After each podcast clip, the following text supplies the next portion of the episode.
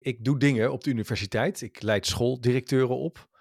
Uh, ik help scholen met curriculumimplementatie. Nou, dat vind ik hartstikke leuk. Ik denk ook echt wel dat dat, ja, ik hoop een beetje impact heeft, maar daar moet je ook bescheiden in zijn. Ja, misschien, misschien moeten we op de universiteit mensen verplichten om één dag in de week uh, ook les te geven als je ook uh, bij onderwijswetenschappen werkt of bij pedagogische wetenschappen.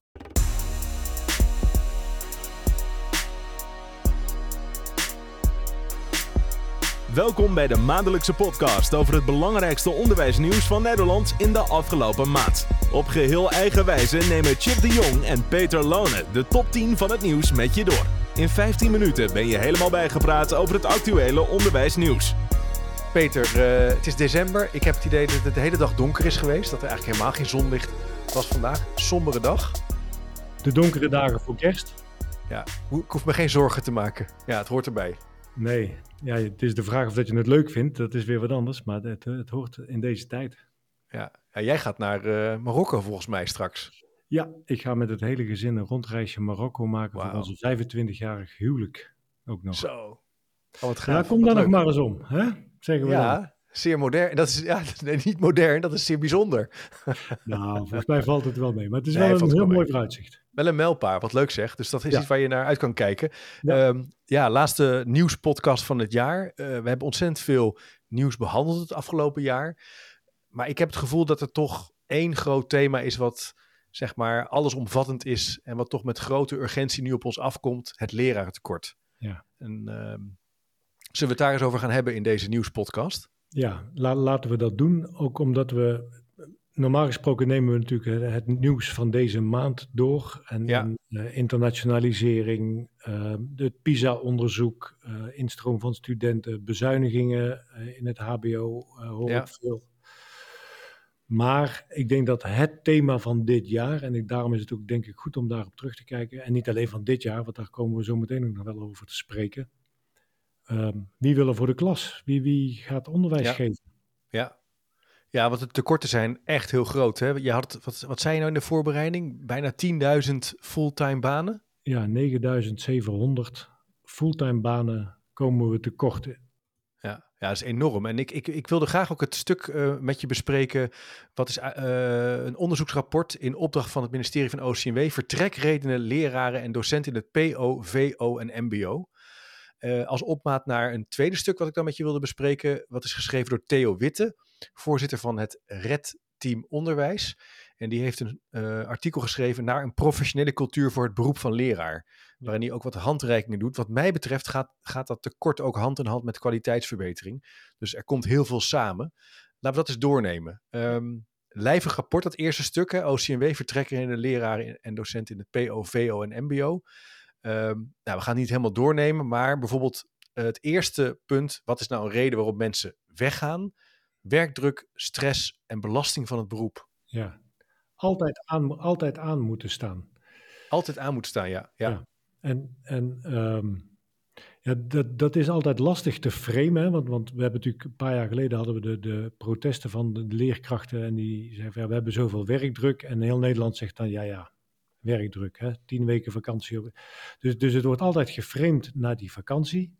Ja. Maar mensen hebben echt geen idee hoe zwaar dat werk voor die klas is. Uur na uur, vak na vak. Um, met een groep die meewerkt ja. of tegenwerkt aan moeten staan. Dat, dat, dat ja. is echt heel zwaar uh, fysieke belasting, of niet fysieke, mentale belasting. Ja, dat, dat komt dus heel duidelijk naar voren. Hè? Dat is Patricia Veldhuis heeft er ook over geschreven in haar stuk, in haar boek Wie wil er nog voor de klas. Ja. Uh, ze heeft het ook uh, ervaren als, als, als docent. Ja, kan je nagaan als je fulltime werkt. Je hebt constant groepen, grote groepen. In het PO heb je ook steeds meer leerlingen die ook met een rugzakje in het kader van passend onderwijs natuurlijk ook de klas inkomen. En dat vraagt heel wat van je. Ja. En dat leidt tot stress, het nakijken, het voorbereiden. Dat vraagt heel veel organisatiekracht. Ja. Niet alle scholen hebben dat. Verzorgers daaromheen, ja. teamvergaderingen. Dat is een reden dat mensen weggaan, hè? Ja. Maar wat er ook staat is uh, het gebrek aan een persoonlijke uitdaging en aan gebrek aan professionele ontwikkeling. Dat verraste mij eigenlijk wel. Want je zou denken, nou, er is ontzettend veel te professionaliseren in dat beroep. Maar ja, dat vind ik. Ja, maar, maar carrièrepaden zijn er natuurlijk, daar wordt al wel lang over gesproken. Maar, maar uh, mijn dochter studeert af als uh, uh, aan de ALPO, academische leraar primair onderwijs. Die komt voor Ja. de klas te staan op, op 3, 24-jarige leeftijd. En zou dat in principe tot haar 65ste kunnen blijven doen. Ja, ja. Marco Snoek heeft daar ook eh, uitgebreid over gesproken in de podcast begin van dit jaar. Dat hij zei, het is eigenlijk opmerkelijk dat er geen eh, langere eh, carrièrepaden zijn voor, voor, voor leerkrachten en docenten. Ja, ja maar dat zie je natuurlijk in, in meerdere beroepen ook wel terug. Hè. Ik, ik weet dat in de, de uitstroom in de fysiotherapie, hè, mijn oude beroep, dat dat ook een rol speelt.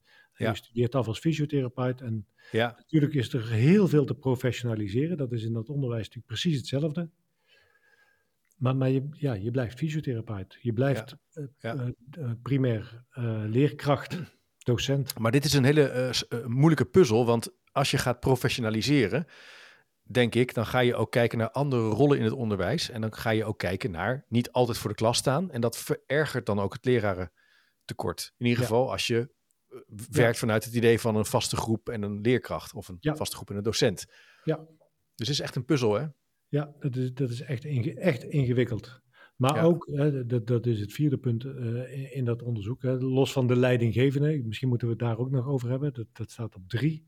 Ja, Ehm, maar, maar vier is gebrek aan begeleiding en samenwerking in het team en een teamsfeer.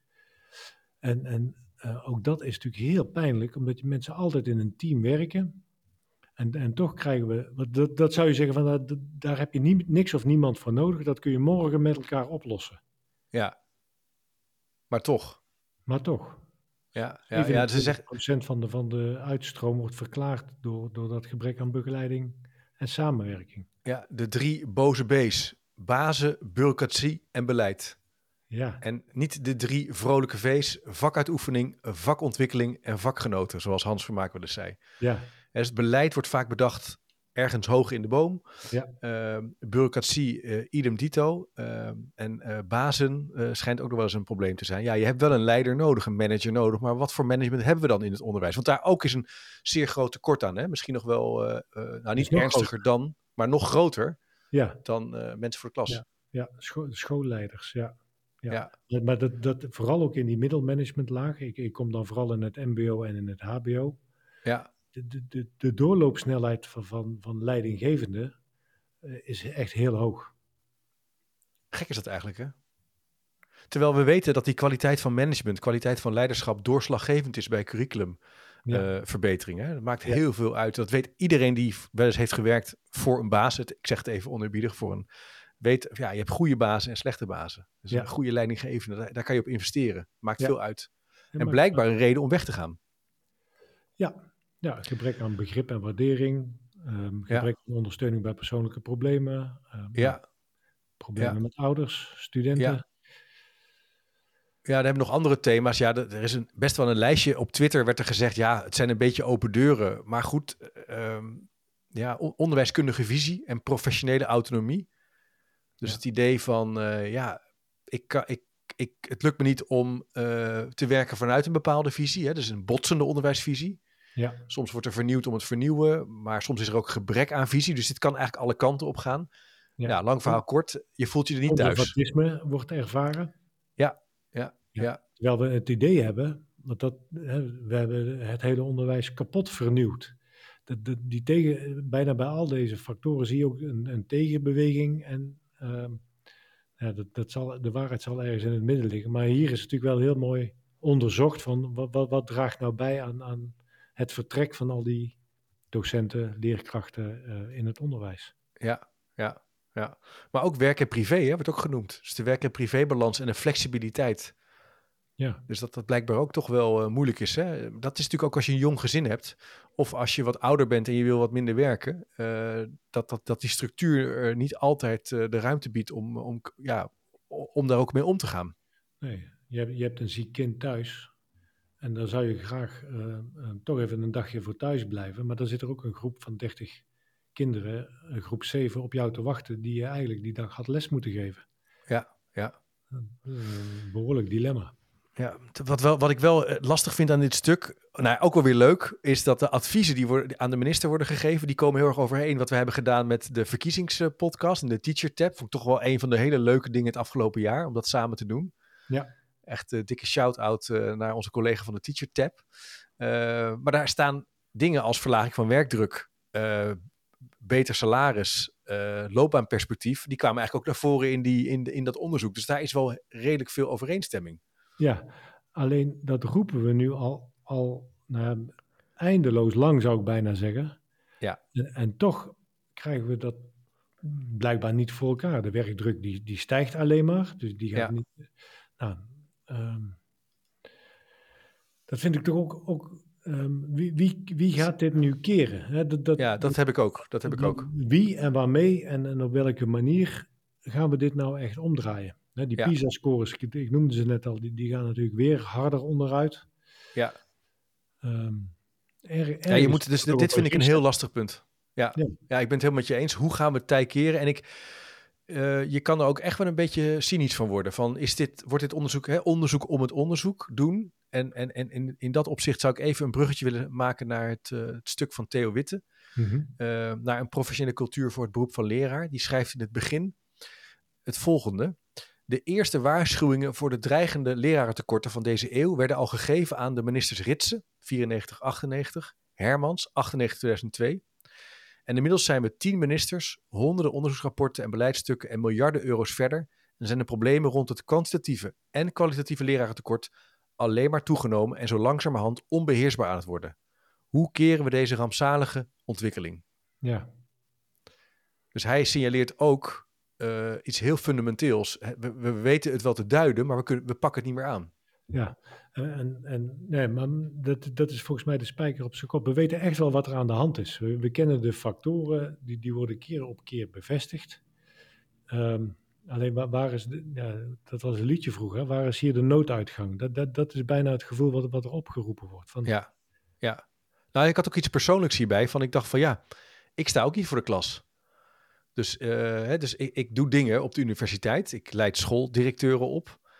Uh, ik help scholen met curriculumimplementatie. Nou, dat vind ik hartstikke leuk. Ik denk ook echt wel dat dat, ja, ik hoop een beetje impact heeft, maar daar moet je ook bescheiden in zijn. Mm -hmm. um, ja, misschien, misschien moeten we op de universiteit mensen verplichten om één dag in de week uh, ook les te geven als je ook uh, bij onderwijswetenschappen werkt of bij ja. pedagogische wetenschappen. Ja, ja. Ja, datzelfde dilemma ervaar ik. Heb jij dat ook? Ja, ja? We, we, hebben ook wel eens overwogen van moeten onze mensen niet gewoon ook allemaal minstens één dag in de week lesgeven? Ja. in het mbo of in het hbo, dat, dat is toch meer onze achtergrond. Ja, precies. We hebben de keuze nog niet gemaakt. Nee. Dus, het is, um, um, die, die, reflectie is denk ik ook, ook een, een, terechte reflectie, om dat misschien toch eens te heroverwegen. Ja, nou kijk, je, kan, je zou wel kunnen zeggen, jij leidt ook, hè, je traint en begeleidt ook docenten. Je helpt ook docenten in het maken van een beter curriculum. Dus dat heeft ook een, een functie. Want ik, ik vind het ook altijd een beetje lastig als partijen allerlei externe soms ook besturen de schuld gaan geven. Hè. Dat, dat mag prima, je mag externe schuld geven, maar je moet ook kijken naar het systeem. Ja. Maar ik dacht wel een beetje van, wat kan ik nou doen? En um, ja, ik ben ja, er niet helemaal over uit. Help je het veld nu met, met zelf een dag voor de klas te gaan staan? Of, of nou, als het gaat over die werkdruk, werkstress... Ja. Um, dat, dat, komt soms ook een deel uit, uit een soort handelingsverlegenheid. Kijk, daar kun je met training, met begeleiding, ja. kunnen we iets aan doen. Een, een, hanteerbaar en goed uitvoerbaar curriculum in plaats van het overvolle curriculum mee helpen ontwikkelen. Zou ook een. Nou, uh, maar, maar dat is de afweging die we, die we natuurlijk ook Ja, dat is een lastige afweging. Ja. ja. Nou, Theo Witte heeft het dus wel. Zijn eerste punt wat hij noemt in dat stuk is een zwakke beroepscultuur. En daar hebben we het afgelopen jaar ook best wel een aantal keren over gesproken, ook in de podcastserie. Uh, hij zegt het volgende. Een van de oorzaken van het kwaliteits- en statusprobleem bij leraren is de huidige beroepscultuur.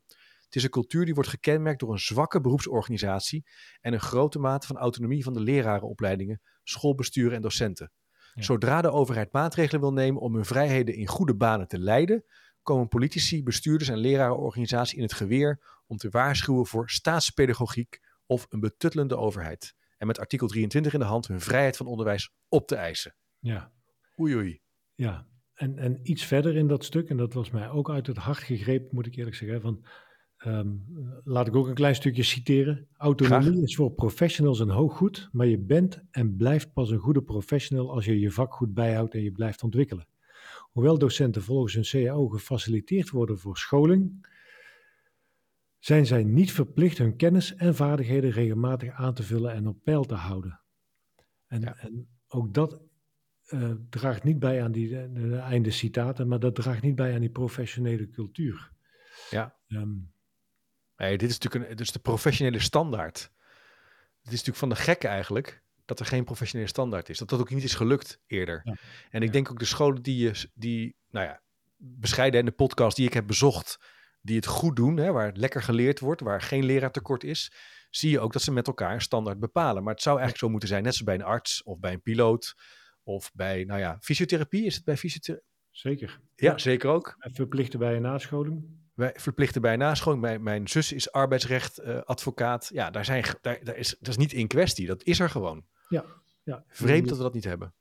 Je, je moet deel uitmaken van een kwaliteitsnetwerk als, als fysiotherapeut. Ik praat wel een klein beetje uit het verleden. Ik weet niet meer precies hoe het nu actueel is. Oké, nou als we het mis hebben, eh, corrigeer ons even via de, Ja. via de website. Ja. Maar eh, we bedoelen daarmee, en, en dat bedoelt denk ik eh, meneer Witte ook, dat is belangrijk als je het tij wil keren. Maar dat vraagt een hele fundamentele inspanning. Overigens, Peter, en als ik terugkijk op het afgelopen jaar, is iedereen wil dit. Maar Ja. stiekem wil iedereen er ook over mee praten en zelf bepalen hoe het eruit moet zien. En dat Ja. gaat gewoon niet samen veranderkundig. nee. Nee, er zal Toch? iemand de knopen moeten doorhakken. Ja, ja. we moeten ook autoriteit hierin eh, accepteren en eh, expertise. Eh, ook als het gaat over bijvoorbeeld goed lesgeven. Een ander punt wat hij ook noemt is die kennisinfrastructuur is in veel, bij veel schoolvakken slecht georganiseerd. Er is geen structurele band tussen schoolvakken, vakverenigingen en universitaire vakdisciplines. Ja, Kortom, en het, er is, ja, het- de kennis wordt niet gedeeld, het wordt overal lokaal ontwikkeld en daardoor moet je eigenlijk steeds overal het wiel opnieuw uitvinden. Dat zou beter en slimmer kunnen. ja. Ja. En, en ben je dus toch ook voor een deel afhankelijk van het toeval of je goed of, of eh, wat minder goed wordt opgeleid. Ja. Wie, wie Ja. kom jij in jouw onderwijsloopbaan tegen om, om dat te doen? Ja, ja dus hij, hij, hij, hij, hij sorteert ook echt wel voor op verplichte professionalisering. Hè? Ja, Hij zegt van er moet een professionele infrastructuur zijn en een verplichte professionalisering Ja. eh, eh, om dit aan te pakken. Ja. Ja. Ja. Maar, stel nou dat dat lukt. Dus dat er komt een overheidsprogramma. We gaan eh, eh, werken volgens richtlijnen. Een beetje eh eh, Ellen Turing school, de kwaliteitskaarten. Als we deze riks, eh, nou, een beetje als in de gezondheidszorg. Als je met hartfalen bij de dokter komt, die Mhm. pakt de richtlijnen bij. Wat, wat zegt het wetenschappelijk onderzoek? En die arts maakt daar zelf in die casus, in die situatie, een behandeling voor. Eh, werken volgens richtlijnen, verplichte bij- en nascholing. Je eh, bent deel Mhm. van een kwaliteitsnetwerk. Eh, je bent georganiseerd als beroepsgroep. Dus dan, dan kom je tot een wat, wat sterker professionele cultuur. Zou dat dan een aantrekkende kracht hebben op ehm, ehm, docenten, leerkrachten om enerzijds te blijven of te gaan werken in het onderwijs? Ja, dit, dit, dit, dit is best een heel spannend thema wat je hier zo op tafel legt. Want ik denk dat het voor de, voor de kwaliteit en de identiteit van het beroep, hè, het normatieve kader, heel belangrijk is. Mhm. Ehm, maar er zul- het zal misschien ook een afschrikwekkende werking hebben op studenten. Hè, want je hebt hele grote aantallen nodig. Kan ook zijn dat studenten, want dat hebben we eerder ook gezien, dat ze soms de, dat ze de PABO gaan vermijden of de lerarenopleiding, omdat het te moeilijk is, te ingewikkeld is. Ja. Want zij zijn ook opgeleid in een bepaald onderwijsconcept. Dus missen soms ook kennis en vaardigheden. En, en, en, en dat brengt mij bij een ander punt. Eh, iemand die heel graag leerkracht wil worden of docent, ja, daar zou ik ook wel ver in willen gaan om diegene te helpen om daar goed in te worden. Maar hoe, Ja. wat is daar in de bandbreedte? Dus ik ben even, dat lijkt me een best moeilijke gesprek. Ja, ja. Ja. Eh, maar, maar dan moet je dus die begeleiding ook, ook echt heel serieus nemen. Ja. Dan, Ja. moet je een goede coach op school hebben die die nieuwe leerkrachten daarin meeneemt. Dat hoeft allemaal niet in het formele onderwijs misschien ook geregeld te worden. Nee. Die hybride docenten, maar Ja. hybride docenten denk ik dat een hele aantrekkelijke opleiding of eh, eh, oplossing zou kunnen zijn. Wat, wat bedoel je daarmee? Nou, een, een docent bijvoorbeeld in het MBO of het HBO die deels in de beroepspraktijk werkt en deels Ja, precies. Oké, zo. Ja, ja, ja. Ehm, ja, de- terecht dat je dat vraagt. Ehm, maar, maar dan moet hij ook heel goed begeleid worden. Hè. Dan, dan moet hij weten van groepsdynamiek, dan moet hij de vakdidactiek eh, bijgebracht worden, weten hoe dat, eh, de toetsing in elkaar zit, hoe, hoe wordt er geëxamineerd, hoe werk je Ja. samen in een onderwijsteam. Ja. Ehm, Ja, wat hier ook natuurlijk wel, eh, ook wel uitdagend is, dat je ook moet kijken naar de geschiedenis en historie van Nederland. Hè? Dus als je kijkt naar Nederland, wij zijn ook een polderland met vrijheid van onderwijs, met een bepaalde manier van organiseren. Dus wat wij hebben qua onderwijs is ook een gevolg van onze historie en ook wat wij, hoe wij altijd onszelf hebben georganiseerd. En ik heb soms wel de indruk dat, dat wat soms nodig is, ook wel haak staat op wat wij als samenleving willen. Want dat vraagt toch een bepaalde vorm van standaardisatie en sturing. Ja. En uh, daarin, daar zijn veel besturen, maar ook veel regio's en ook veel mensen uiteindelijk ook wel wars van. Hè, die professionele autonomie. Ik heb net nog gesproken met twee ontzettend leuke uh, bestuurders die bezig zijn met um, uh, onderwijsontwikkeling. en het Agora-onderwijs, het Montessori-onderwijs, Frenet-onderwijs meer ruimte te geven en daarin meer te experimenteren, is niet helemaal het goede woord ja, die hebben daar ook beweegredenen voor. En dat mogen zij ook doen op basis van, van de grondwet. En ook de inspectie. Ja, ja. Ja maar, dat, maar dat ontslaat je niet van zo'n professionele onderwijscultuur. Nee. De, de, de, de, de aanbevelingen die, die Theo Witte doet in, in dat artikel, die, die uh, haken echt heel erg aan bij uh, vakverenigingen, um, werken volgens standaarden, professionele bij- en nascholing. En, Ja. en dan kun je die vrijheid van onderwijs zou je alsnog overeind kunnen houden. Ja. Wat een Ja. groot goed is. Hè? De, Ja, dat, eh, nou ja, goed, dat, dat is waar. Maar iedereen. Ja, ja. Maar wat, wat, wat, die, wat, wat Theo Witte ook schetst, is. Dat weten we ook bij verandering. Als je iets wil, als je echt iets wil, dan moet je een koers uitzetten en volhouden. Ja, En mensen bij elkaar brengen en daar eigenlijk best wel heel strak op sturen. En ik voorzie dat dat toch de enige weg vooruit is. Dat je toch, ik denk toch echt aan een deltaplan, waarin je ook opnieuw moet kijken naar eh, de bestuurlijke inrichtingen, de structurele inrichting van het onderwijs. Ja. Eh, en naar de kwaliteit en naar de kwaliteit van de lerarenopleidingen en de professionaliseringskant van onderwijs. Ja. Eh, Ja. Werkdruk, salaris, dat zijn toch de punten waar je echt. Maar dat betekent, gaat wel. Ik denk dat je echt praat over 20 jaar. Ik weet niet hoe jij dat ziet. ja, dat denk ik ook zeker. Maar, maar ik zou er echt ehm, nou, heel veel voor over hebben om te zeggen van laten we nu in dit land gewoon ook, ook centraal eh, aangestuurd door, door het ministerie, door, door een, een, een groep deskundigen, twintig jaar uittrekken om te zeggen van eh, we gaan echt zorgen dat dat onderwijs van Nederland past bij, bij de enorme eh, nou, economische status die wij hebben. Ja. We kunnen het ons toch niet veroorloven om dit te laten gebeuren. Nee, nee, En nee. toch ben ik daar niet optimistisch over. Jij wel? Nee? Nou, ik vind, ik, ik vind het wel moeilijk worden. Ik heb twee weken geleden. eh, Ik ben van mezelf best wel positief, eh, denk ik altijd. En ik zie altijd wel ruimte en kansen. Twee weken geleden sprak ik een grote groep schooldirecteuren eh, in een, van, van, in een grote onderwijsregio. die het heel serieus hebben over de vierdaagse schoolweek in het primair onderwijs. Eh, en, en echt niet meer goed zien waar ze het vandaan moeten halen. En ook nou, in termen van werkdruk het zwaar hebben. En toen dacht ik, ja, poeh, hé, dat is wel even wel heftig. En als je dan even kijkt naar de feiten en de cijfers, dat die, en je extrapoleert, Ja. dan wordt dat dus alleen maar erger. Dus je hebt Ja. niet alleen te maken met hoe het nu ervoor staat, maar je moet ook nog eens vechten tegen het feit dat het alleen maar erger gaat worden. Ook al Ja. doe je het beter. Begrijp je wat ik Ja. bedoel? Ja, maar, maar, maar ik denk ook dat het goed is om, om dat soort eh, aspecten daar heel duidelijk in mee te nemen. En ook de verwachtingen heel goed te schetsen. En Ja. dan moet je wellicht tijdelijk dit soort maatregelen nemen. Maar ehm, ehm, maak in ieder geval die kwaliteitsstandaarden heel duidelijk. Ja. Maak, ehm, ehm, wat, wat vinden we nou eigenlijk van een schoolweek? Mag dat vier dagen zijn of moet dat vijf dagen zijn? En als je zegt het moet vijf dagen zijn, maar we krijgen het nu in deze regio niet georganiseerd, dan kun je er ook daar wel beleid op maken om dat op de lange termijn wel te gaan invullen, repareren op een andere manier. Ja, dat is Maar, het maar nooit ten koste van de kwaliteit. Want als je, ik denk als je de kwaliteit eisen naar beneden brengt, dan, dan is eh, nou, het hele, Nee. de hele beroepsgroep eigenlijk verloren. Dat is wat Ja. Theo Witte eigenlijk zegt. Zeker, maar er zijn natuurlijk ook helaas ook wel mensen in de afgelopen weken geweest, eh, experts, die reageren op PISA-resultaten en zeggen, nou, het valt eigenlijk allemaal wel mee. En dat, zijn eigenlijk al, hè, dat is een eenzijdige benadering, het klopt niet. En dus je hebt ook daarmee te maken eh, dat toch, ja, kijk, die PISA-scores is, da- is een thermometer. is niets meer dan dat. Het bepaalt Ja. op een bepaalde manier, doet het de pijlstok erin en zegt van, nou, zo staan we ervoor. Als je het allemaal in twijfel gaat trekken, Ja, ja, wa- waar gaan we dan heen, hè?